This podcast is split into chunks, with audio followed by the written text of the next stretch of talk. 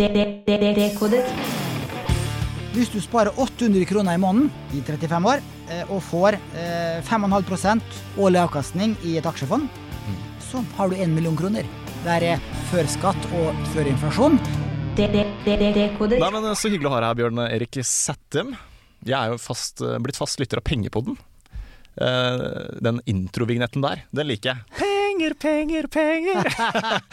Den ligger, den ligger barna Ja. mine òg. Ja, det gjør det. Det er sånn jeg går på butikken, og så tar jeg meg sjøl og synger på den. Penger, penger, penger. Folk tror jeg har vunnet i Lotto. Ja. Hvem er det som kom på det? Nei, det var før min tid, faktisk. Oh, ja, det så det var i ja. 2015-2016 da Ja. podkasten starta. Du, det er eh, fortjener eh, Spellemann for den der. takk, takk. Men eh, ja, du er programleder i Pengepodden, og så er du spareøkonom i, eh, i Nordnett. Mhm. Eh, Litt om din bakgrunn. Jeg leste en artikkel om deg i Dine penger.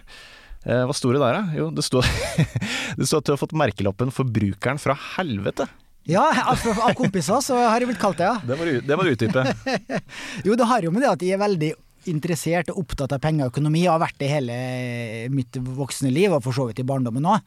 Jeg satt eh, som eh, 14-15-åring og skrev ned aksjekursene eh, i Dagens Næringsliv som min far abonnerte på, og, og tegna grafer og styrte. Og på videregående skole så begynte jeg å kjøpe mine første aksjer. Ja, Jeg regner med at du var blåruss? Nei, jeg var ikke det, faktisk. Ikke det? Nei, jeg gikk på gymnaset, så jeg var rødruss. Men eh, det var noen eh, aksjeinteresserte der òg. Ja. Eh, og eh, eh, en av mine første aksjer jeg kjøpte, det var Kredittkassen. Mm -hmm. Og hvis de husker Kredittkassen, det er forløperen til Nordea. De gikk konk. Ja, så det var en hard lekse tidlig. Det var en hard lekse. Da lærte jeg at, eh, at aksjer kan gå i null, mm. og at du ikke skal satse mer enn du har råd til å tape på enkeltaksjer. Ja, akkurat den regelen her kan jeg også. Ikke satse mer enn du kan tape. Stort mer enn det kan jeg ikke, men eh, det er det vi skal lære litt mer om i dag, da. Eh, Men hva har du gjort før, før du ble spareøkonom i Nordnett? Ja, jeg gikk jo siviløkonomstudiet i Bergen. Og så, da etter det, så begynte jeg som økonomisk journalist i Dine Penger. Og ble etter hvert redaksjonssjef og redaktør der. Gikk en veldig god skole med Kristian Vennerød og Karsten Five. Eh, Tom Stovi. Eh, der var jeg i knappe ti år. Og så gikk jeg videre til Storebrand og jobba med pensjon og kapitalforvaltning som kommunikasjonsansvarlig der. Og nå har jeg vært i Nordnett i knappe fire år, og jobber da som spareøkonom og småsparerens eh, vaktbikkje, som jeg liker å kalle meg. Småsparerens vaktbikkje. Yes. Eh, og så er du programleder som nevnt i, i Pengepodden. Eh, ja, Det høres ut som jeg har invitert riktig fyr, i hvert fall. så hvis eh, vi tar for oss dette med fondssparing, da. Eh, hvis man er en nybegynner sånn som meg, eh, og har innsett at eh, hvis man har sparepengene sine på en bankkonto, så er det ikke så mye å tjene. Faktisk så taper man penger. Eh, For renta er såpass lav, så inflasjonen spiser opp. eh, Så da kan det lønne seg å sette det i fond, eh, har jeg skjønt. Hvor i all verden skal jeg begynne? Ja, så hvis du ikke har noe erfaring med aksjer eller aksjefond før, så da har du jo hatt pengene i banken frem til nå. Og da er det første valget du står overfor, er, skal jeg eh, kjøpe enkeltaksjer, eller skal jeg kjøpe aksjefond? Og det enkleste er jo å kjøpe et aksjefond, for det er jo en, en samling av aksjer. Eh, hvis du kjøper et globalt indeksfond, så er det over 1000 enkeltaksjer eh, spredd over store deler av verden. Ja. Eh, og da er jo risikoen eh, sant, ja, eh, veldig spredt rundt omkring. Og selv om da ett selskap eller fem selskaper skulle gå over ende i løpet av et år, og faktisk aksjekursen gå i null, eller i hvert fall rett i kjelleren, så spiller ikke det så stor rolle når du har over 1000 aksjer i et slikt globalt aksjeindeksfond. Eh, det er en god sted å starte. Eh, kjøp et globalt aksjeindeksfond eh, som første kjøp. Og gjerne spar månedlig. Spar, du kan spare ned til 100 kroner i måneden i Nordnett, DNB, Storebrand, Nordea. Gå gjerne til den bankforbindelsen du allerede har. De har som regel fondshandel i nettbanken. Ok, så start med et globalt indeksfond. Da må vi definere hva et indeksfond er, da. Eh, Et indeksfond er et fond som prøver å følge markedsindeksen. Ja. Hva er markedsindeks, egentlig? Ja, et, eh, hvis du kjøper et globalt fond, så følger den som regel eh, MSCI World Index. Og det er da eh, en brei verdensindeks eh, som hvis du kjøper et slikt aksjefond, så får du den indeksens avkastning minus en lav kostnad. Og grunnen til at jeg sier indeksfond, er fordi det er de billigste fondene, og da slipper du å gjøre en research om hvilke forvalter du skal satse på, for du kan også kjøpe aktive aksjefond. Eh, men da må du gjøre en litt grundigere jobb.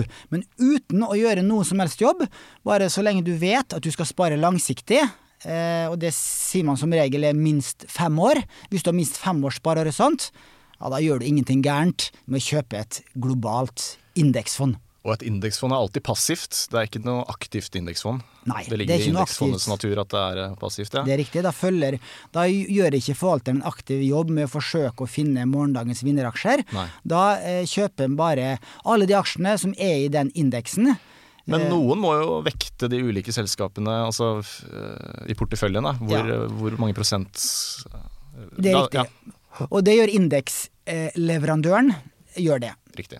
Eh, Så det er ikke forvalteren sin jobb. Nettopp. Så markedsindeksen det er på en måte summen av alle aksjehandler eh, i det respektive markedet?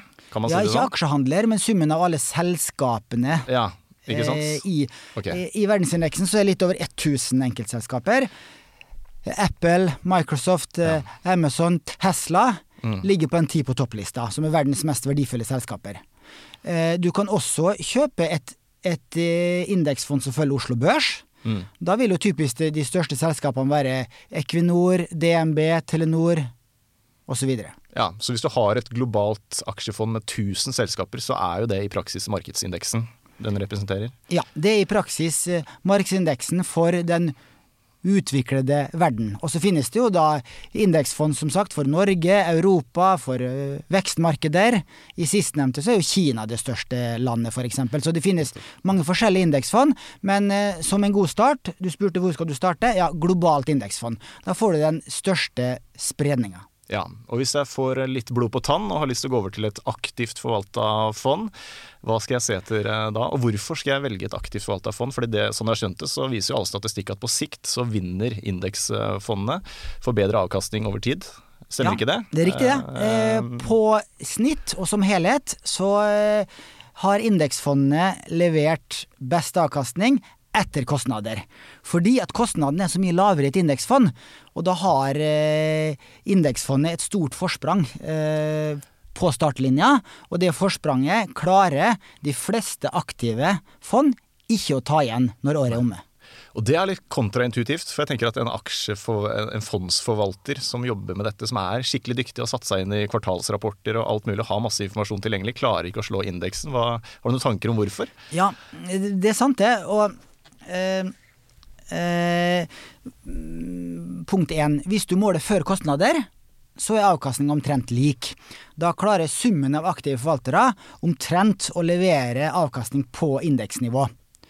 Eh, og så er det jo slik at hvis noen skal slå indeksen, ja, da må noen gjøre det dårligere enn indeksen òg. Ja. For at alle investorer i et aksjemarked kan ikke slå indeksen. Nei. Det vil være umulig. Ja, ikke sant? Så per definisjon, hvis noen gjør det bedre enn indeksen, så må noen andre faktisk gjøre det dårligere. Ja. Det er riktig. Og så har du jo noen eh, aktive forvaltere som klarer å slå indeksen år etter år. Men det er få av de, og det er veldig vanskelig å vite på forhånd hvem Ja. det er. Og det er jo, Men er det da flaks, eller er det dyktighet? Fordi jeg så, jeg så en sånn folkeopplysning-episode eh, fra 2016, hvor de eh, brukte et, eksempel med Mark Millett. Som jeg aldri hadde hørt om, men han er visst genierklært, for han slo markedet 15 år på rad. Eh, og Deres argument var at det at han skal få til det, er sannsynligheten for det er 0,003% Men sannsynligheten for at det finnes jo så mange fondsforvaltere, så sannsynligheten for at én fondsforvalter faktisk klarer det, den er jo ganske mye større. Um, men ja, i den episoden så gikk det jo ganske langt i å hevde at eh, det er veldig mye flaks involvert. da. Har du noen tanker om, om det? det er nok det. altså Der er det to leirer. Jeg har én fot i, i hver leir, egentlig.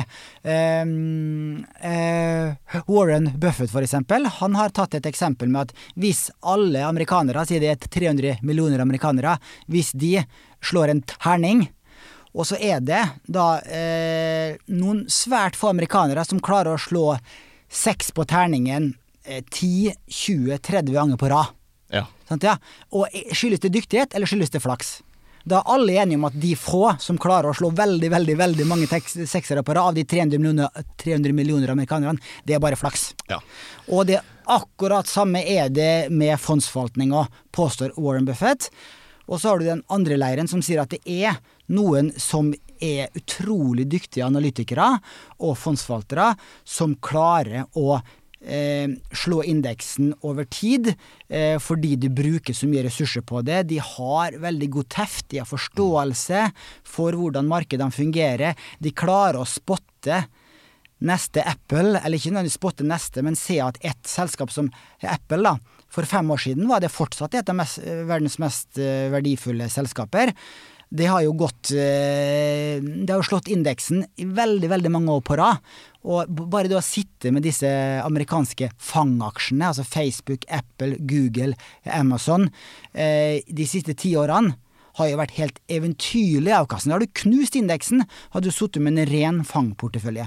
Ja, nettopp. Og sånn rent psykologisk så føles det jo tryggere å vite at det er en aktiv forvalter som har satt seg inn i kvartalsrapporten og lest regnskapene og, og har peiling på det han driver med. Så tenker jeg, da. Hvis jeg ja, skulle satt inn altså, en jeg stor kunne argumentert det motsatte. Ja, okay. At det føles tryggere å vite at du eier hele markedet. Ja, hvis du ser sånn på det, ja. Eh, Da, For da. Ja. da er du ikke avhengig av at forvalteren din gjør en god jobb. Du, du, du, du trenger ikke følge med. Du kan kjøpe et globalt indeksfond, legge det i skuffen, kanskje spare månedlig noen hundre kroner i måneden eh, til du blir pensjonist. Ja. Ta det frem igjen. Eh, du trenger ikke følge med om forvalteren gjør en god jobb underveis. Den jobben må du gjøre hvis du velger aktive fond. Selv har jeg rundt 50 i min, eh, av mine langsiktige sparepenger i indeksfond, og 50% i aktive fond. Riktig. Og trenden er at indeksfond blir mer og mer populært, stemmer ikke det? Jo, det stemmer det. Det er en trend over hele verden, Mm. også i Norge. Eh, og så, jeg, jeg kan jo si da for uh, morsomhets skyld at i 20 år så har jeg prøvd eh, å da eh, sette sammen en aktiv fondsportefølje som slår mitt globale indeksfond. Har du klart det? Eh, i, I hvert tredje år så har jeg klart det, Oi. men i to av tre år Ja. så har jeg tapt. Ja. Sant, ja? Så, så på Langen så har min aktive fondsportefølje etter kostnader tapt mot indeksen, akkurat som uh, læreboka uh, sier. Men er det, finnes det noen gode argumenter for å velge et aktivt forvalta fond hvis man har en sparehorisont på 20 år? Uh, Eh, du bør neppe sitte i det samme aktive aksjefondet hele veien. Mm. For som sagt, det, det er veldig få forvaltere som klarer å levere meravkastning Ja. de fleste årene i 20 år. Men eh, du har jo i, På 2000-tallet, Skagenfondet gjorde jo fantastisk bra fra rundt år 2000 eh, frem til eh, ja, eh, finanskrisen cirka, så gjorde de helt utrolig bra og slo eh, referanseindektene sine eh, med eh, mange, mange prosentpoeng hvert år. Og hvis du får fem prosentpoeng ekstra i året i ti år, så med rentes renteeffekten så blir det en vanvittig meravkastning. Nettopp. Og så anbefales det at man fordeler eh, sparepengene på, eh, på aksjefond og rentefond. Er det ikke eh, at 70-30 eller eh, Ja, for detalj. eksempel. Ja? Eh, mange Hvis du går mm, De fleste i privat sektor eh, har jo eh, innskuddspensjon på jobben. Eh, du er frilanser, så du har kanskje ingenting. Det er, eh, var deprimerende lesning å gå inn på norskpensjon.no og se. Det Sant, ja. Det skal vi snakke om etterpå. ja. Men eh, sant, ja, eh, halvannen million nordmenn i privat sektor har innskuddspensjon på jobben. Og da eh, får man en standard eh, pensjonsportefølje, og den består eh, som regel av enten 50% aksjer, 50% renter, eller eh, og- og- åt- åt- 80 aksjer, eh, 20% renter. Det er liksom standard pensjonssparing. Eh, Jeg og vi i Nordnett vi sier at eh, vi syns faktisk at eh, eh, de som sparer til pensjon, og hvis du er under 55 år gammel, cirka, så skal du faktisk ha en aksjeandel på 100 Ja. Fordi at du, du Når du skal spare så langsiktig, så er du tjent med å ha alle pengene i aksjemarkedet, hvor du da eh, kan forvente å få eh, si, mellom, fe- mellom eh, 5-6-7 gjennomsnittlig årlig avkastning fremover de neste 10-20-30 årene. Mens i rentemarkedet kan du forvente nær null. nettopp, ja. Jeg har også hørt en formel som uh, sier at du, skal, du kan ta 100 og så trekke fra din egen alder. Og det er den brøken uh, du skal ta utgangspunkt i. Men uh, det høres ut som en veldig konservativ regel, det da. Det hadde jo blitt 67 i aksjefond for min del, og resten i eh, rentefond. Ja, jeg syns det høres litt defensivt ut. Ikke sant? Eh, Men det er gjerne en regel som kommer fra USA. Ja. Og der har de en ganske lav eh, statlig pensjon, altså den vi får fra folketrygden. Ja. For nordmenn som går ut i pensjon i dag, så kommer Ja, rundt 80% av pensjonsutbetalingene til de som går ut i pensjon i dag, kommer fra den statlige folketrygden, som alle får. Og hva er det? Nei, det er en garantert eh, renteplassering. Null risiko. Der hvor verdien av den pensjonsbehandlinga i folketrygden, den, just, den oppjusteres hvert år med lønnsveksten i samfunnet. Og den svinger ikke i Ja. takt med aksjemarkedet. Nei. Og dermed sant, ja, så kan du ta ganske høy risiko med din øvrige pensjonssparing, Ja. jobbpensjon og privat pensjonssparing. Så halvparten av pensjonen din er garantert uansett, så du kan ta høyere risiko? Ja, mye mer enn halvparten, faktisk Å, ja. i snitt. Såpass, ja. 80% i snitt. Så da kan man er tillate seg å ta større risiko med de siste 20 Gjerne mener du? 100 aksjemarkedet, Ja. mener jeg. Men hvis man er litt defensiv da, og ønsker eh, 30% i eh, rente, rentefond, kan vi definere rentefond forresten? Eh, For det er jo da obligasjoner og penge... Hva, Ja, pengemarkedsfond. Pengemarkedsfond. Jeg leste på det her i går, skjønner du. Ja, ja. aller først en obligasjon. Hvis jeg kjøper en obligasjon, så det jeg i praksis gjør, er at jeg låner ut penger mot en avtalt rente og en eh, avtalt løpetid, ikke sant? Det er riktig. Hvis du kjøper en obligasjon, da må du ha minimum én million kroner, tror jeg, for å ringe til DNB. Og Ja, ok. skal, jeg skal kjøpe en obligasjon. Ja, da er minsteinnskudd ofte en million. Og da, da kjøper du en liten andel av et stort lån, f.eks. til eh, Norsk Hydro har jo obligasjonslån, eller eh, Aker. Eh, eh, og da kjøper du en liten andel av det obligasjonslånet, og da får du en avtalt rente. Det kan være en flytende rente eller en fast rente. I to eller fem år, f.eks. Ja, Statsobligasjoner forresten, kan vanlige folk kjøpe det? Hvis du har jævlig god råd? Ja, da må du ha mange mange millioner kroner for å kjøpe en liten andel av en statsobligasjon. Okay. Men du kan kjøpe statsobligasjonfond for 100 kroner. Ja, nettopp. Fordi at det er det som er fordelen med fond, er at uh, det er en, eh, en veldig enkel måte for uh, småsparere å kjøpe verdipapir. Og kjøpe seg inn da i slike store obligasjonslån. Mm. Ja, nettopp. Så rentefond det deles inn i obligasjonsfond og pengemarkedsfond. Og forskjellen på de to er Det er egentlig i praksis det samme, er det ikke det? Bare at det er løpetiden som er forskjellig? Ja, det kan du si. Pengemarkedsfond er både kort Altså det er flytende rente. Og det er lav kredittrisiko. Det vil si at det er solide selskaper som, eh, som eh, låner de pengene. Eh, Går du over i obligasjonsfond, så er det lengre løpetid. Da har du en fastrente. Du kjenner sikkert til fastrente på boliglån. Mm. Selv eh, har jeg fastrente på deler av boliglånet mitt på Ja. fem og ti år. Eh, og eh, akkurat de samme fastrentelånet kan du få da på, på store lån til selskaper. Eh, og da svinger den kursen på obligasjonsfondet svinger i takt med renteutviklinga mer enn for et pengemarkedsfond som ligner mer på et bankinnskudd. Riktig. Men la oss si at jeg har 100 000 kroner eh, til overs som jeg har lyst til å plassere i eh, fond. Vil du anbefale å, å putte alt i et aksjefond da, eller bør man eh, være litt mer defensiv og putte noe i et rentefond for, for sikkerhets skyld? Da hadde jeg jo spurt deg når trenger du pengene? Og så svarer jeg fem år. Ja, Fem år, da er du akkurat innafor det som defineres som langsiktig sparing, og det som er egnet for aksjefond. Ja. Og så vil jeg jeg spørre Nå er jeg autorisert finansiell rådgiver, så hvis jeg skulle gitt deg rådet her, så måtte jeg først ha en, en forsamtale med deg for, å, for, for, for å spørre og grave om din økonomiske situasjon, din risikovilje, din erfaring med spareinvestering fra før. Så nå får vi ta hele greia på ett minutt. Jeg spør for en venn, skjønner du. Ja, ja. Ja, ok, 100 000. Uh, har du eh, noe erfaring med aksjer og fondssparing før? Det har jeg ikke. Jeg kjøpte bitcoin i 2017. Kjøpte høyt og solgte lavt. Så nei, jeg har, jeg har litt erfaring. Sånt, ja. og, og, og, så vil jeg spørre, hva eh, vil du gjøre da hvis det aksjefondet mm, som du kjøper for 100 000, det kommer en ny krise eh, i finansmarkedene, aksjefondet halveres i verdi, eh, det er bare verdt 50 000. Hva ville du gjort da? Ja, jeg har regna på det at jeg har råd til å tape akkurat eh, 50 000, men jeg har ikke råd til å tape noe mer enn det. Så det er grensa mi. Ja, og det er som regel worst case. I de store krisene så har et globalt aksjefond i snitt falt med 50% fra topp til bunn. Eh, hvis du kjøper slike breie aksjefond, så faller de sjelden mer enn 50% Det har skjedd 60 òg, mm. men det er, er, sjelden. Kjøper du spisse aksjefond, f.eks. et teknologifond eller innenfor fornybarsektoren, eh, fornybarsektoren, så kan det falle med 70-80-90 Oi, ja. Fordi at det er et risikabelt fond som har steget veldig mye. Og en aksje eller et fond som har steget veldig mye, det kan også falle veldig mye. Men de som faller såpass mye som 80-90% vil de også kunne hente seg inn over tid? Ja, noen gjør det, men ikke alle. Ikke alle, altså. Eh, ikke alle fond henter seg inn igjen. Men, eh, og du kan si de fleste fond henter seg igjen, men ikke de fleste aksjer.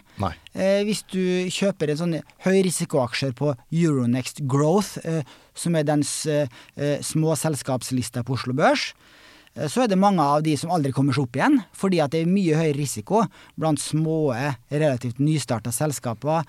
Ny teknologi innenfor eh, hydrogen, eh, solceller Det kan være teknologiselskap også, eh, med en uprøvd teknologi.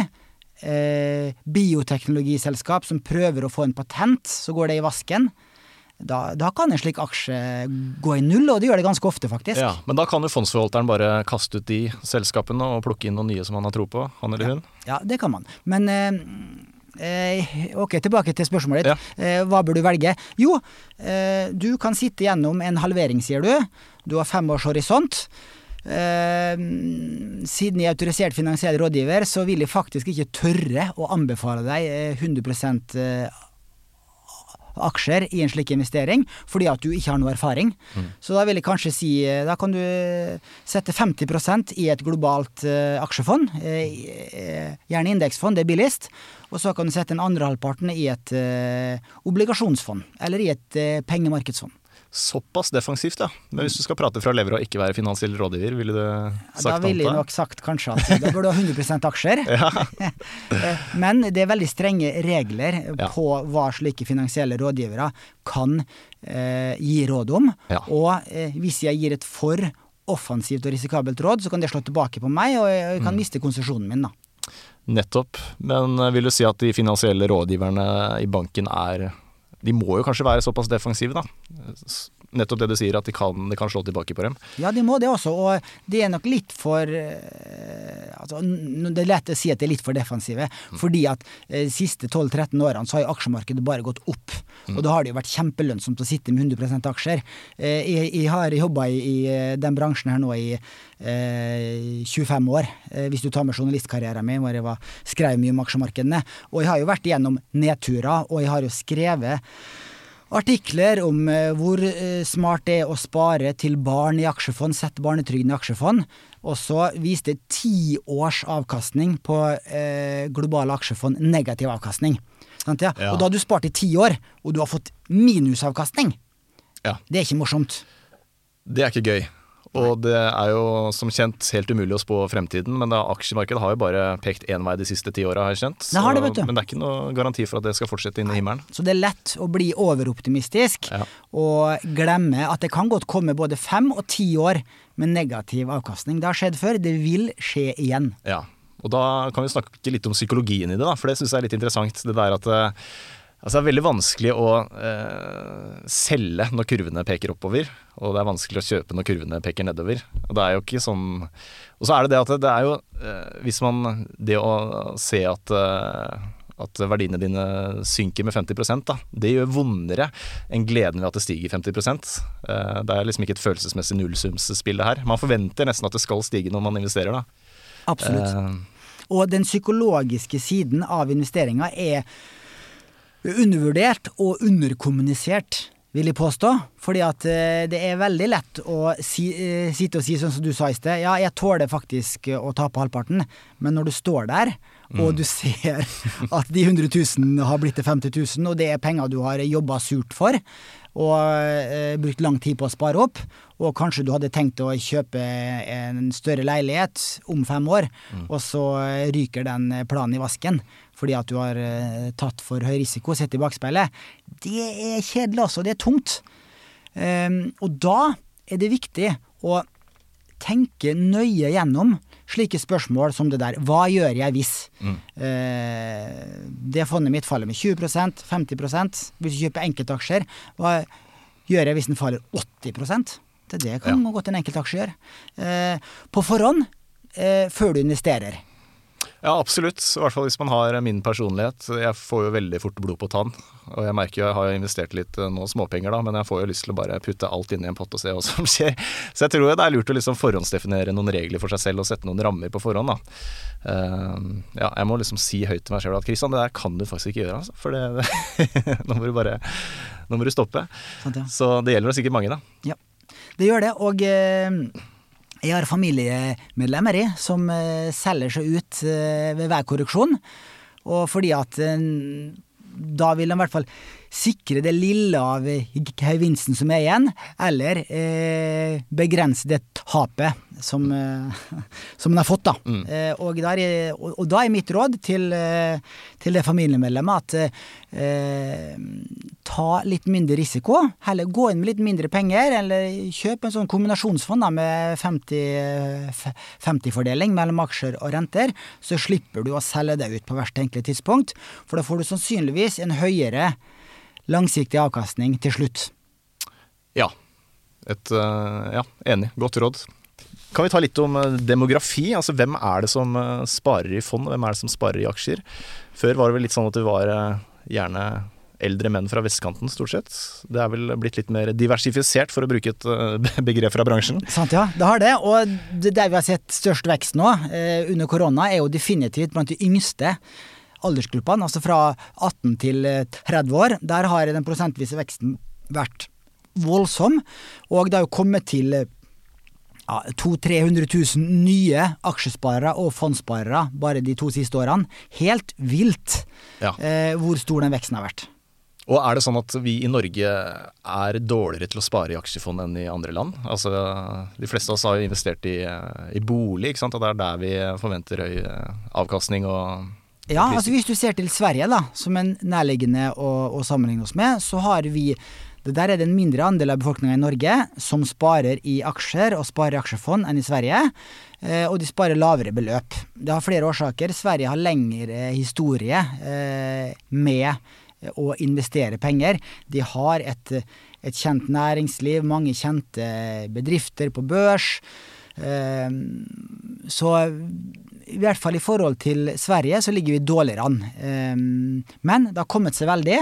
Og eh, nordmenn har jo veldig god råd. Vi, vi, vi, ligger jo på verdenstoppen i eh, kjøpekraft, eh, i lønninger. Eh, sånn at det er absolutt grunnlag for at nordmenn skal, skal investere enda mer i aksjemarkedet fremover, eh, siden vi faktisk er blant verdens rikeste land. Ja, ja. Og så skjedde det vel noe under pandemien, gjorde ikke det? At folk hadde mer tid og, og bedre råd, rett og slett. Og at da fikk man en liten ekstra peak, da. Det gjorde det, og det har skjedd over hele verden. Og du, Ja. du ser også i USA med denne Robin Hood-plattformen der borte, som er ti, Ja. en sånn eh, Nordnett på steroider. Ja, rett og slett. Eh, hvor da millioner av nye amerikanere også har kommet inn i aksjemarkedet eh, under Ja. koronaperioden. Ja, og det er en bra ting, er det ikke det? Selv om det er småsparere. Jo, altså, jeg syns definitivt at det er en bra ting, og så er det noen negative sider ved det også. Det er jo noen eh, kunder, eh, og, og, og, og, spesielt unge uerfarne, som tar for stor risiko. Både innenfor enkeltaksjer og innenfor krypto. Ja. Nå har ikke Nordnett noe særlig eh, eh, stor på eh, krypto, men du har jo eh, kommet flere norske kryptohandelsplattformer hvor du ser det har vært enorm kundetilstrømning, og der har det jo så langt stort sett bare vært oppgang.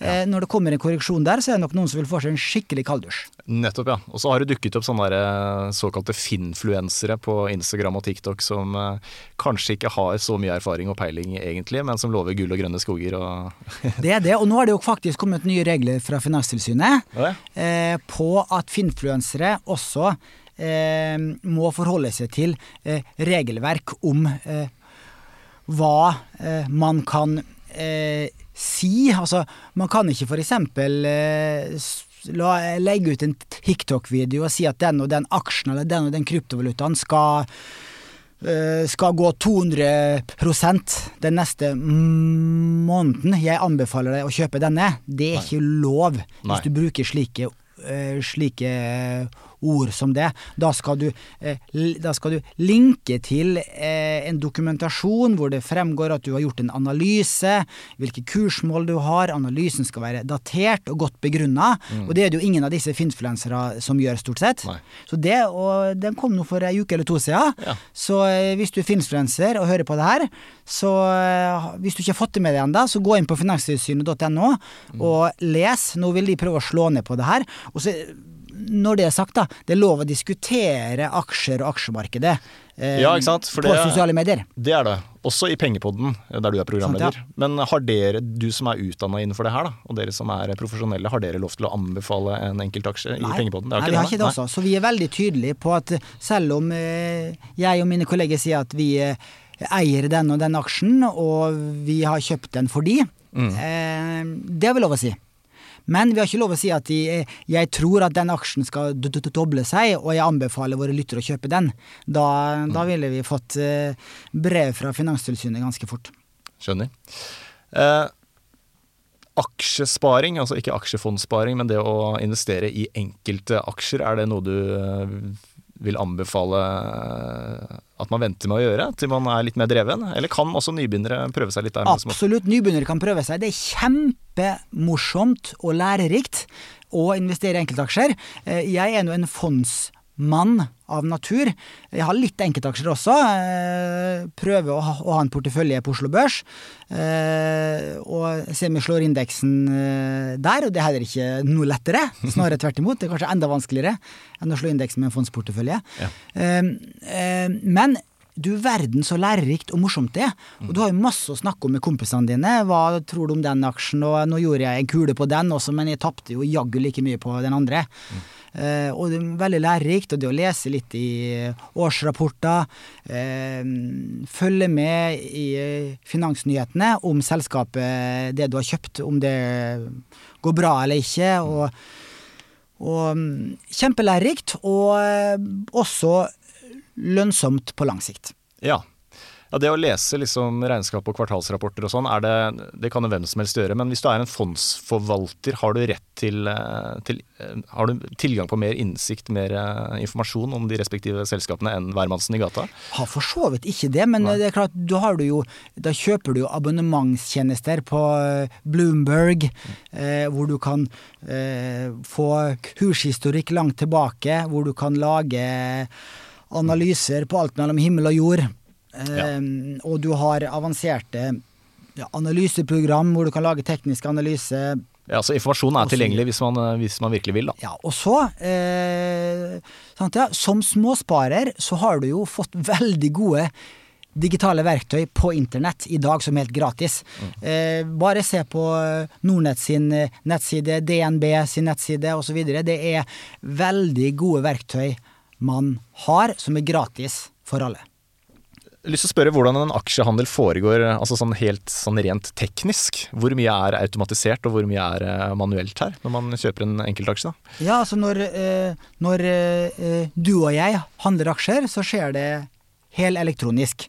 Så da legger du inn en ordre på den handelsplattformen du bruker, og da vil du se faktisk ordreboken på mm, nettsiden, og da ser du hva eh, kjøperkursen ligger på, og hva selgerkursen ligger på. Ja. Og du kan eh, legge inn en eh, limit hvis du vil, og da legge deg litt ned i den ordreboka. Da får du ikke kjøpt med en gang. Da må kursen falle litt grann før din ordre blir gjennomført. Hvis du bare trykker på kjøp, så kjøper du til ø, omsatt siste samme sekundet. Ja. Så da kjøper du på selgerkursen. Ja.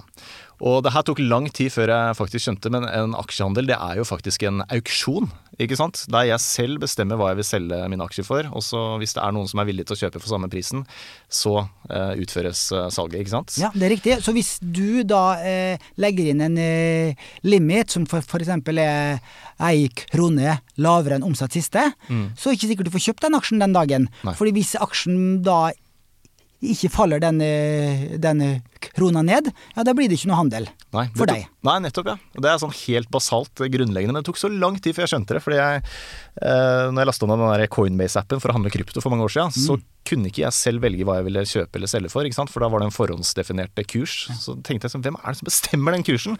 Jeg skjønner jo at det er tilbud og etterspørsel, men jeg kan jo ikke selv velge, velge hva jeg vil selge for. Så sitter en person der liksom og bestemmer dette. Men det er rett og slett altså en auksjon. For og eh, i Nordnett-appen så kan du da legge inn en eh, slik eh, limit. For eksempel, det kan du på de fleste handelsplattformer i dag. Rett og slett. Eh, ja, hvis, litt tilbake til eh, fond kostnader eh, ved det å, mm, å kjøpe ulike fond, for da har du liksom Du har noe som heter kurtasje, men det gjelder kanskje bare enkeltaksjer, eller? Ja, det gjelder Ja. bare enkeltaksjer og ikke fond. Ok. Og så har du noe som heter eh, suksessbasert honorar. Ja, noen få fond har det, men det er ikke mange. Nei. Eh, De aller fleste fond, og i hvert fall hvis du snakker om indeksfond, så er det en fast lav kostnad. Et indeksfond koster som regel mellom 0,2% og 0,4% i året. Det er altså hvis du investerer 100 000, da, som du hadde tenkt å investere, så, og du betaler 0,2% så er det 200 kroner i årlig kostnad. Det er billig. Det er billig. Så det vanligste det er en eh, såkalt plattformavgift, ikke sant? Ja. Eh, resultatbasert honorar, det, er, eh, det blir mer og mer uvanlig. Men det er jo, jeg har jo sett resultatbaserte honorar på opp mot 20% eller noe sånt. 10, Ja, det er, veldig, det er noen fond som har det, og det betyr at den avkastninga, meravkastninga, som forvalteren klarer å skape over indeksen, eh, den tar forvalter 10 eller 20 av. Ja. Eh, og så sier forvalter ja, eh, det gjør vi for at da sitter vi i samme båt som kundene. Hvis kunden tjener godt med penger, så tjener vi også godt med penger. Hvis vi taper mot indeks, så får vi ikke noe ekstra betalt. Nei. Da får vi bare den lave, faste avgiften. Det gir jo mening, men det er, utgjør ganske mye, da. Fordi du må i tillegg skatte av gevinsten, ikke sant. Så du sitter jo egentlig igjen med bare 50% av avkastninga hvis du tar ut pengene, da. Ja, bo, ja, skatt og- ja, altså skatt på aksjer er per i dag rundt eh, 32 Mm. Så det er ikke 50 men Nei, det hvis er du legger på 32%. Suksesshonoraret på 20% på toppen der, da. Ja, det, eh, det suksesshonoraret ser for så vidt ikke du noe til. Nei, det er er Ja. innbakt i den fondskursen du ser hver dag, men forvalter eh, tar de pengene i gode år. Og jeg er litt motstander av suksesshonorar, for det er vanskelig å se, vanskelig å vite hva du betaler.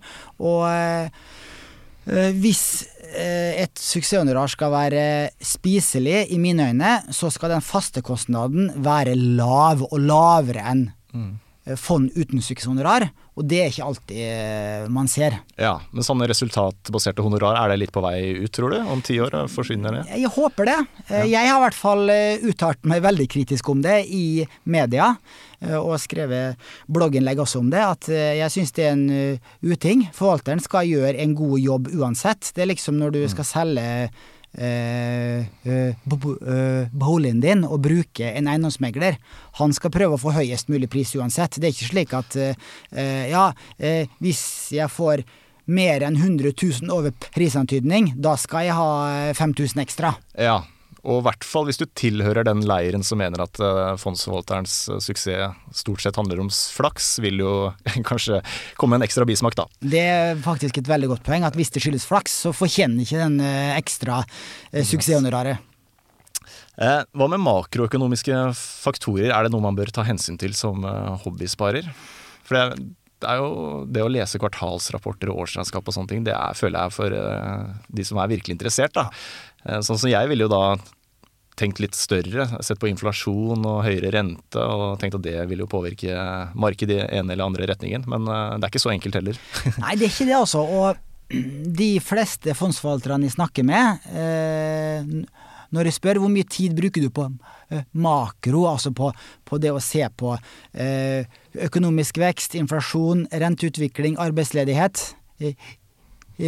i, det landet og den regionen du investerer i, så sier de at eh, det bruker jeg lite tid på, fordi at eh, eh, det får bli som det blir, og så får jeg konsentrere meg om de selskapene jeg har i porteføljen, at jeg har troa på deres fremtidsutsikter, og at de gjør en god jobb fra kvartal til kvartal.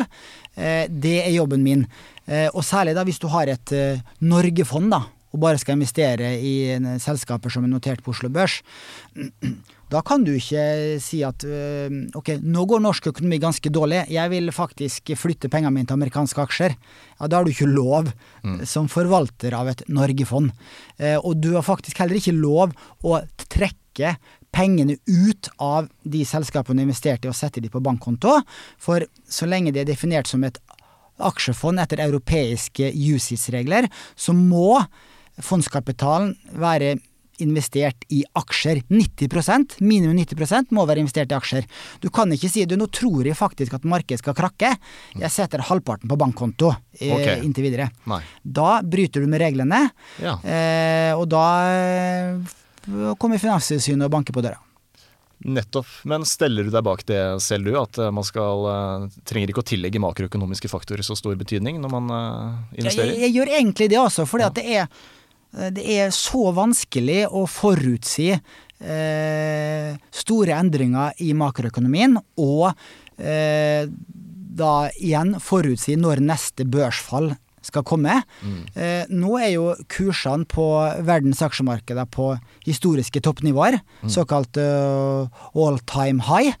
Eh, og det jo, kan være et argument for at du skal eh, ta penger ut av aksjemarkedet og sette i et rentefond. Mm. Ja, det kunne du sagt eh, for eh, fem år siden også. Ja, ikke Eh, og de siste fem årene så har jo børsen gått opp med 50-100 i snitt. Ja. ja. Er det noe som er helt sikkert, så er det at det er umulig å spå markedet, da.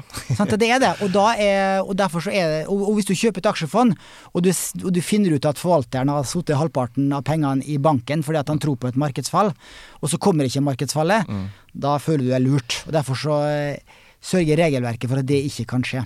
Ja, og Apropos dette regelverket som eh, er ganske strengt, har jeg skjønt. Eh, vi skal snakke litt om f.eks. innsidehandel. Da. Eh, for der finnes det både ulovlig og lovlig, tror jeg. Innsidehandel. Ja. De fleste som har sett Exit, tenker jeg har tenkt sånn Å ja, det er sånn man tjener titalls millioner! Det er sånn det funker, ja. Innsideinformasjon og regelverket rundt det. Er det, ja, er det et problem i bransjen? Det er ikke det. altså Når jeg snakker med forvalterne da, som, eh, som eh, sitter i markedet hver dag, så sier de det at eh, det var et problem for 20-30-40 år siden. Da var Oslo Børs omtalt som en innsidebørs. Fordi at det var et veldig lite miljø, det var gutteklubben Grei som snakka med hverandre. Men de 10-20 siste årene så har det vært veldig lite snakk om det. Eh, i det norske finansmiljøet. Det forekommer. Det har vært noen dommer på personer som har blitt dømt for innsidehandel.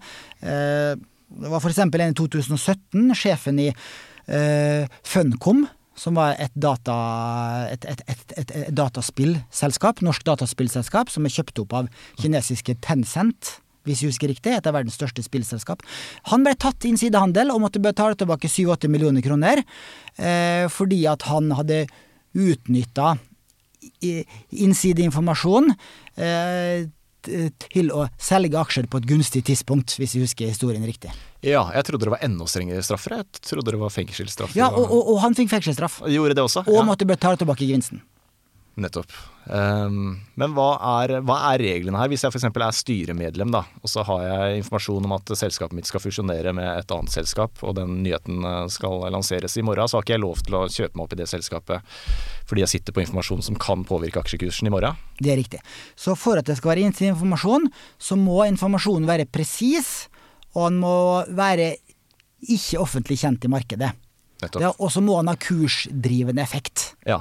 Så det må være en viktig nyhet. Men hvordan vet man hva som Ja, du sa det jo kanskje nettopp, men det som er skiller mellom det som er lovlig og ulovlig eh, innsideinformasjon, da. Eh, Det må være presist, og det kan ikke være offentlig kjent. Men det, er, det må være noen sånne gråsoner her, føler jeg.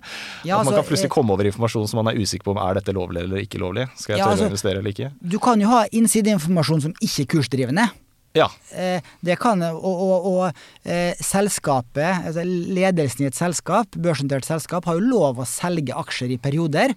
Og da har du såkalte eh, Er det stille perioder det heter? Eh, eh, noen uker før kvartalsfremleggelsen og noen dager etter kvartalsfremleggelsen har ikke eh, de personene som er på selskapets innsideliste, lov å handle aksjen.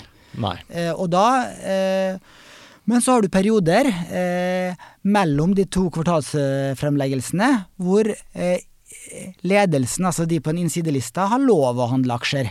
Og Ja. eh, de kan jo sitte med innsideinformasjon om at eh, eh, det går bra i selskapet. Altså eh, de månedlige budsjettene som legges frem, viser, mm, viser gode tall. Mm, Det er ikke nødvendigvis innside, ulovlig innsideinformasjon å handle på. nettopp. Eh, Men hvis du hadde vært i, et, eh, i oppkjøpsforhandlinger, og det selskapet ditt eh, sannsynligvis blir kjøpt opp, ja, det er presis, fortrolig, ikke-offentlig informasjon som har kursdrivende effekt. Nettopp. Da skal du eh, ikke handle. Da skal du ikke handle. Og dette er det Finanstilsynet som overvåker, eller? Ja. Og da har de oversikt over alle som jobber i det? Eller hvordan er det de eh, Ja, fører altså, tilsyn? det, det er jo eh, en offentlig kjent innsideliste. Ja. eh, i alle børsnoterte selskaper. Og hvis noen av de handler, eh, så må selskapet sende ut en børsmelding.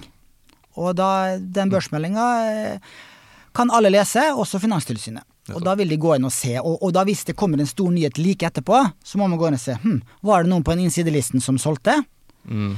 Eh, og så kan det jo være noen eh, andre som ikke står på innsidelisten også, som får vite du er i et eh, middagsselskap, og sent på kvelden så får du høre av kompisen din som er finansdirektør i selskapet. Dypt ned i vinglasset, ja, så kommer det fram. Ja. Og, og det skal jo ikke skje. Men hvis det skjer, så har ikke du lov å handle på den informasjonen. Hvis du får eh, en slik fortrolig og presis og kursdrivende informasjon. Hva hvis man er skikkelig uheldig da, og eh, ikke kan så mye om aksjemarkedet, men du tilfeldigvis handler aksjer etter at du tilfeldigvis har eh, fått vite noe du ikke burde vite? Ja, det skjer. Altså, hvis, hvis du kommer da og skal handle for dine 100 000 Det holder kanskje ikke en rettssak å si det, men nei. Altså hvis du handler for 100 Men hvis du, hvis du plutselig handler for eh, flere millioner, da, Ja. og du ikke har noe, ikke har noe investeringserfaring fra før, Mm. Da, da vil nok Finanstilsynet kontakte deg og spørre hm, handla du for fem millioner du i den aksjen dagen før kursen spratt opp 30% Ja, ikke sant. eh, Og vi ser at du aldri har handla aksjer før. Det her lukter ikke bra. Det er Ugler i mosen her, ja. Eh, aksjesparing, fondssparing, det er eh, også for eh, nybegynnere, sier du. Men shorting, det er vel ikke for nybegynnere? Nei.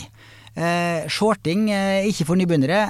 Eh, jeg har gjort det én gang i livet mitt. Åssen gikk det? Eh, Jeg, jeg, jeg er en av, de få i, jeg er en av de få i Norge, tror jeg, som har tjent på å shorte Tesla-aksjen. Tesla Du shorta Tesla-aksjen? Når var det? det var dagen etter eh, Elon Musk gikk ut og sa eh, 'funding secured', da han eh, skrev at han vurderte å ta Tesla av børs. Ja. Hver gang han er ute og ytrer seg på Twitter, så skjer det noe med kursen. Da. Så, Så da eh, kjøpte jeg en sånn en eh, mini-future short på Tesla-aksjen ganger fem. ja. Og eh, den, der dobla jeg faktisk innsatsen min, men det var kanskje mer flaks enn forstand. Men jeg tenkte at eh, nå vil jeg prøve et short-produkt én gang i livet mitt. ja. Eh, så det gikk bra. Moro, moro, moro. Men det shorting må vi definere, for det er ganske fascinerende at du faktisk kan tjene penger på at kursen faller. Så hvis jeg har skjønt det riktig, på sånn ekstremt basalt nivå, så er det det at du, du låner aksjer som du ikke eier, selger de, og så forventer du at kursen faller i morgen. Eh, Det gjør den. Eh, Du hadde rett. Da kjøper du aksjene tilbake for en lavere pris. Og så eh, får du fortjeneste på det, og da leverer du tilbake de aksjene du har lånt. Det er barneskoleversjonen. Ja, det er riktig. Det er riktig. Og det, det er som du sier, det er for viderekomne. Og det er ikke utbredt. Nei. men det går an, og profesjonelle investorer gjør det her både som en spekulasjonsstrategi og som en hedgingstrategi. Det? Du kan tenke deg at du, du shorter eh, shorte en aksjeindeks. Du kan shorte verdensindeksen. Du kan shorte Oslo Børsindeksen.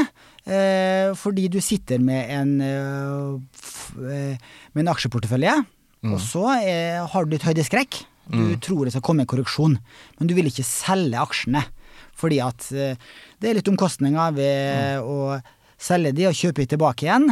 Kanskje du sitter i en skatteposisjon.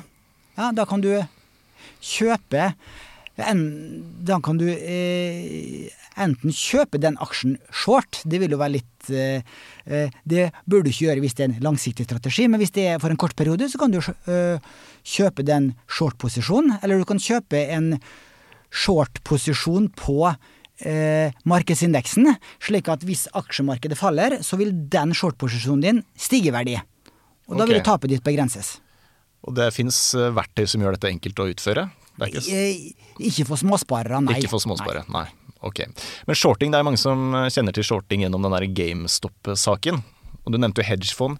Eh, For der var det jo sånn at det var eh, noen svære hedgefond som spekulerte i at den GameStop-aksjen skulle falle noe veldig, og så var det et lite forum på, på Reddit som vokste seg større, og så gikk de sammen, masse småsparere, eller masse småinvestorer, eh, på den Robin Hood-plattformen, tror jeg, som du Ja. nevnte i stad, som ville sørge for at det skal faen ikke skje. Nå skal vi bare kjøpe masse GameStop-aksjer, og så gikk kursen rett til værs.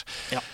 Og de, eh, Åssen gikk den historien videre, egentlig? Ja. Tapte de hedgefondene Ja, de masse penger? tapte jo milliarder av Ja. do- do- dollar, eh, Ja. fordi at eh, de så den Det amerikanske selskapet AMC er en stor kinokjede det er en stor videospillkjede i USA, som har masse butikker i USA, og da som har vært en, en dø- dø- dø- dø- døende bransje i mange år, og selskapet har tapt masse, masse penger.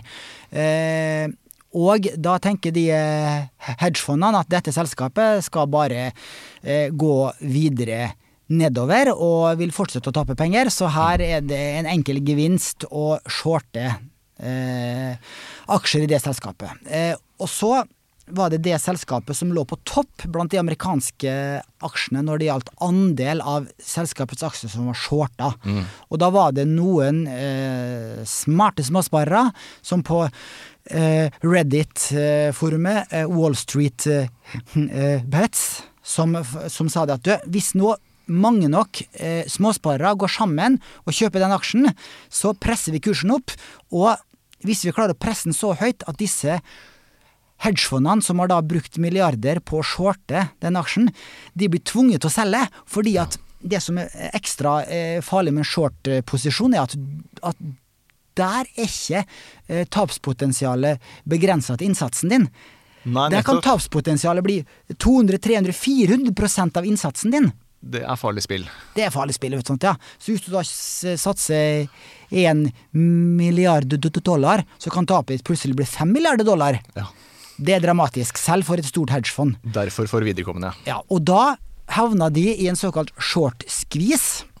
Eh, som gjorde at tapet deres ble så stort at de måtte bare selge, selv om de visste at disse aksjene egentlig ikke var verdt så mye. Men så hadde de ikke penger til å stille som sikkerhet for den short-posisjonen sin, og da må de bare tvunget til å eh, kjøpe de aksjene tilbake fra disse småsparerne som da hadde tjent eh, flere tusen prosent. Jeg må jo si at man, Det er jo sånn David mot Goliat det her. Man heier jo litt på de der små investorene, ja, da. Det var en fantastisk historie. Og, og, og også blant eh, aksjespekulanter eh, Mm. i Norge, så mm, var jo både GameStop og eh, AMC, som var da en eh, kinokjede, som også var i da like dårlig stand. Ja. Eh, flere titusen eh, norske eh, aksjesparere, spekulanter, småsparere, kall det hva du vil, ha, har også aksjer i AMC og GameStop, også i Nordnett. Nettopp, ja. Men også GameStop, de, de er ikke konk ennå, altså. De holder koken. Nei, det går jo. Altså, Ja. eh, kursen eh, ligger overraskende høy. Jeg hadde Yes. jo trodd at den skulle gått i kjelleren igjen etter det her eh, var ferdig, men kursen har holdt seg ganske høy. Ja, Men på sikt, det er vel ikke liv laga på sikt, er det det? Jeg ville aldri ha kjøpt GameStop Nei. som en investering i pensjonssparinga mi, f.eks. Jeg er ganske sikker på at om fem år så vil den aksjen være lavere enn i dag. Men eh, jeg har tatt feil før, så jeg kan godt ta feil igjen. Første gang jeg hørte om shorting, var forresten den filmen The Big Short. Det er jo en jævlig bra film, da. Ja.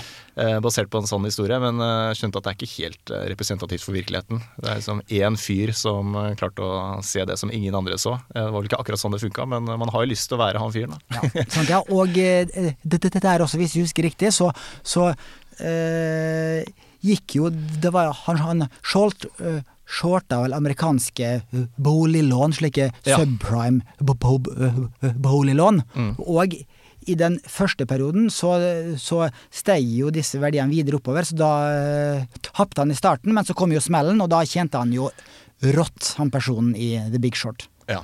Og han, eh, det gjorde han på ekte òg, ikke sant? For Ja. det er jo basert på en sånn historie. Til en viss grad, i hvert fall. Ja, det er det.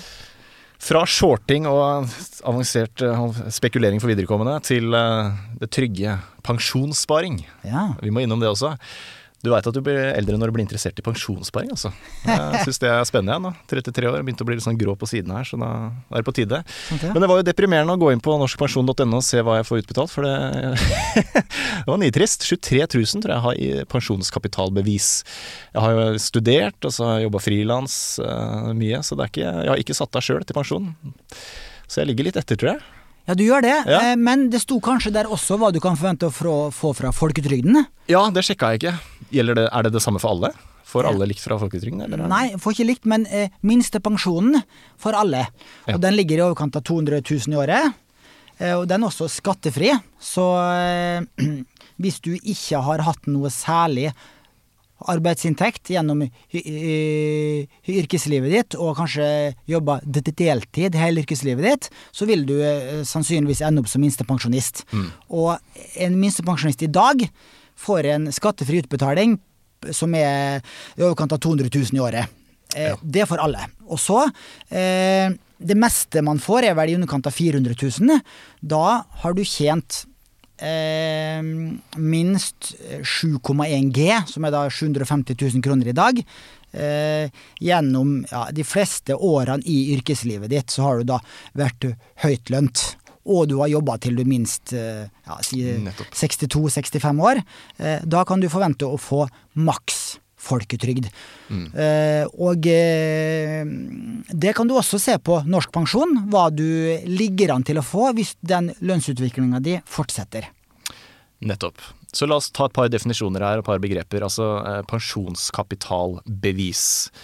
Det er altså det arbeidsgiver eh, setter av til pensjon, havner i dette pensjonskapitalbeviset, ikke sant? Ja, eh, fra tidligere arbeidsforhold. Fra tidligere da arbeids- heter det pensjonskapitalbevis.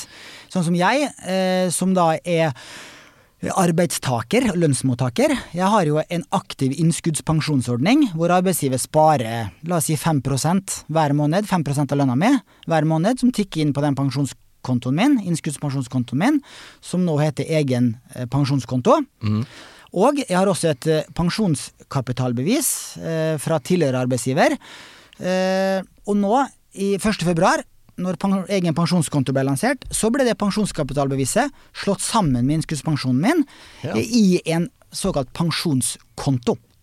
Nettopp. Så den kombinerer begge to. Ja, Den kombinerer det gamle pensjonskapitalbeviset eh, mitt fra tidligere arbeidsforhold med dagens pensjonsordning som eh, finansieres hver måned av arbeidsgiver. Ja, men du selv kan ikke sette inn penger på egen pensjonskonto. Det er kun penger som arbeidsgiver setter av. Riktig. Nettopp. Det.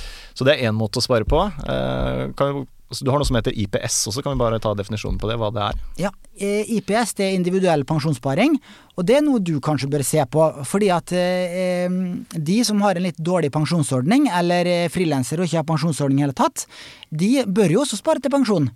Og da eh, har man en, en, en, spareordning hvor du får eh, skattefordeler, eh, og hvor pengene er bundet frem til pensjonsalder.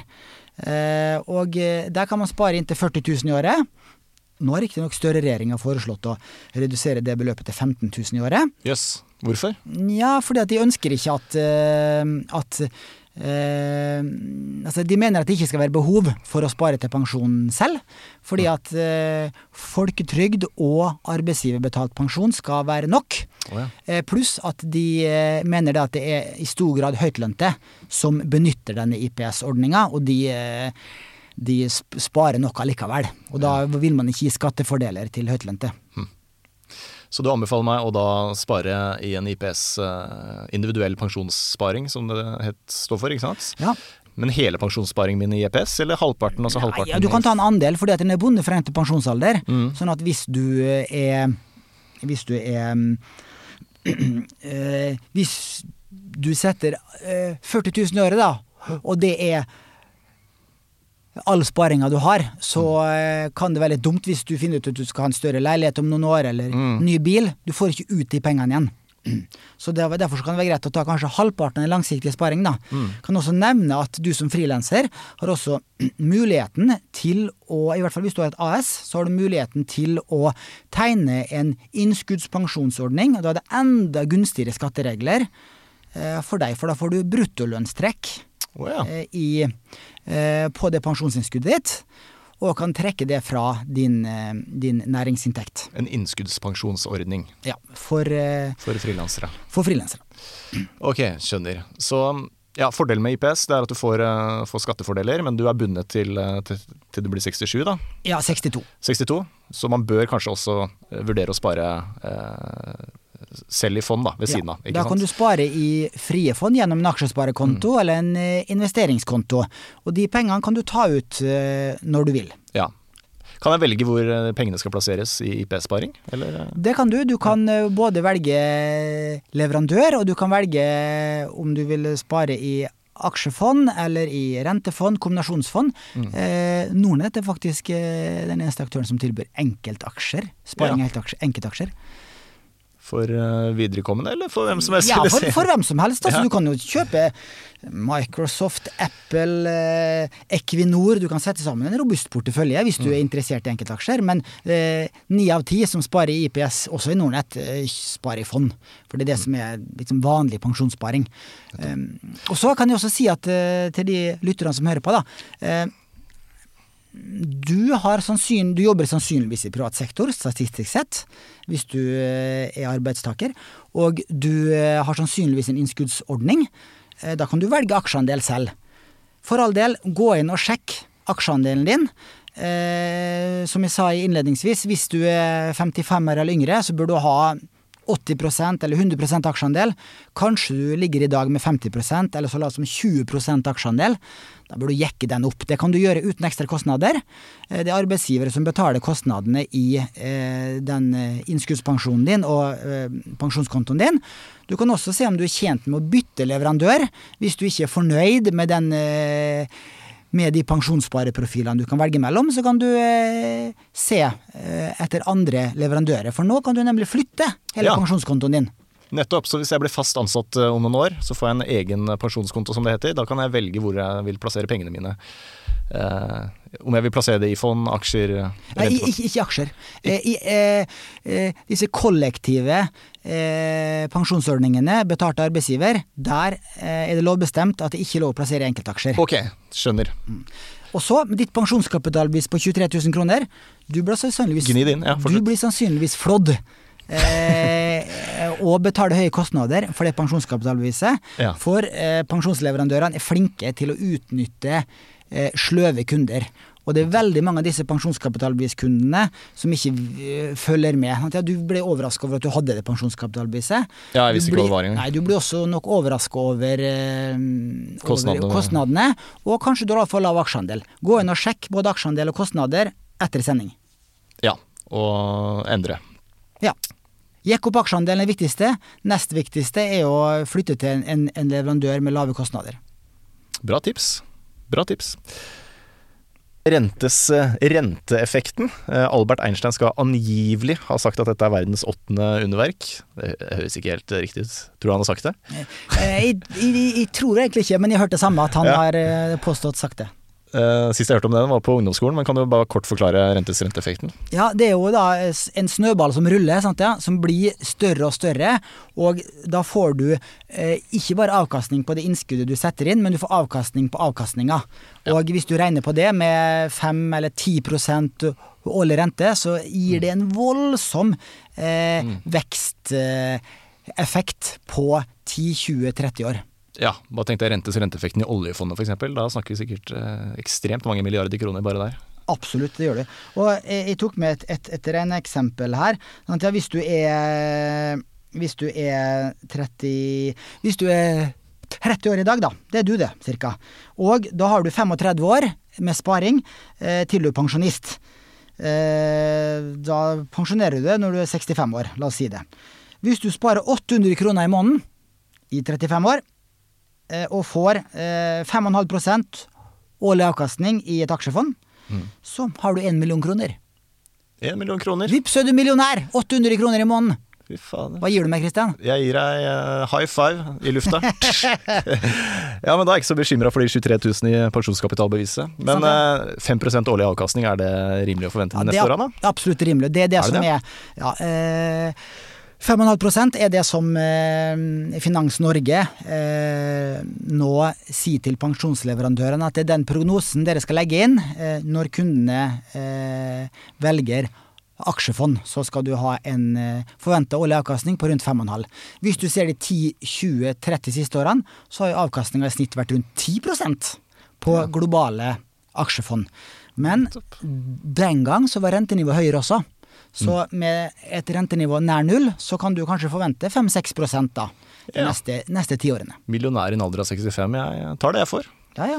ja det, det, er en, eh, det er ikke verst, det. Nå skal det sies at det er før skatt og før inflasjon, men det Ja. viser i hvert fall at små månedlige beløp kan bli veldig store, og kan bli en bra tilleggspensjon. Ja, og det er det flere og flere som har kjent, og derfor er det flere og flere som har begynt å investere i, eh, i fond og aksjer. Sant, ja. Eh, la oss avslutte med krypto. Jeg har jo dårlig erfaring med, med bitcoin. Har, eh, jeg har faktisk kjent litt på det, altså, men, men ikke veldig mye. Men skal dere, vil det bli mulighet til å kjøpe krypto på Nordnett, tror du? Ja, altså vi har eh, kryptoeksponering i dag, men du kan ikke kjøpe de fysiske eh, kryptovalutaene. Men du kan kjøpe såkalte hacker-sertifikat som følger eh, bitcoin-kursen slavisk eh, fra sekund til sekund, og det er samme for eh, eh, Ethereum. Så Ja. jeg har et par prosent av min portefølje, min langsiktige portefølje, har jeg nettopp i et slikt eh, eh, bitcoin-sertifikat og Ethereum-sertifikat. Jeg har bare tatt et lite lodd, i tilfelle det skulle bli det neste store, sånn som Røkke Ja. eh, er inne på, f.eks. Jeg tror og håper at det ikke vil bli det. Jeg håper nesten at det går i null, fordi at jeg syns det er litt, litt eh, trist hvis eh, verdens sentralbanker og det valutasystemet vi har i dag, hvis det skal mislykkes noen år ned i veien. Det vil bli en enorm omfordeling av rikdom eh, hvis det er kryptovaluta som skal bli den neste verdensvalutaen. Ja, og her er det to leire, har jeg skjønt. Det er noen som eh, spår at det skal gå i null om bare få år, mens andre mener at dette er, eh, dette er virkelig fremtiden. Hva, dere som er finansielle rådgivere i, i Nordnett og i bransjen generelt, hvordan snakker dere om dette? Hva, hva er deres eh, Ja, der er det, det, som du, altså det er jo to forskjellige leirer her også, men du får aldri en finansiell rådgiver eh, som er autorisert, i hvert fall, til, til å anbefale en kunde til å ha en stor andel av eh, finansformua si i kryptovalutaer. Eh, jeg kan godt eh, si det her, den poden, at kanskje 1% 2 eh, er helt greit. Og jeg kan argumentere med hvorfor det er fornuftig også. Eh, på grunn av da får du en, en god diversifiseringseffekt. Det har jo gitt voldsom avkastning til mange hundre prosent i året, har jo det gitt de siste årene. Eh, men man vet jo ikke hvordan det vil eh, gå fremover. Og slike høyrisiko eh, ja, aktiva skal kun utgjøre en mindre del av en eh, langsiktig portefølje. Så bra. Tusen takk for eh, praten. Jeg syns du er jævla flink til å forklare komplekse ting på en enkel og forståelig måte. Har du noe tips til folk helt til slutt? Siden kompisen din kalte deg forbrukeren fra helvete, så tenker jeg tipset ditt er kanskje å prute. Prute der man prute kan. Ja, så Vær bevisst på hvor du bruker pengene dine. Eh, sett sparinga i system. Sant, ja? eh, opprett en månedlig spareavtale. Selv en student kan spare 100 kroner i måneden eh, i et aksjefond. Eh, og sett eh, trekk på den månedlige spareavtalen dagen, før, eh, dagen etter du får lønning, hvis du har fast inntekt. Eh, så merker du ikke at de pengene trekkes fra kontoen engang. Mange bekker små gjør en stor å. Og ikke sjekk pensjonskapitalbeviset ditt, det gjør bare vondt. Jo, du bør sjekke det, og jekk opp aksjeandelen. Takk for praten. Selv takk. Denne podkasten er produsert av Tid og lyst.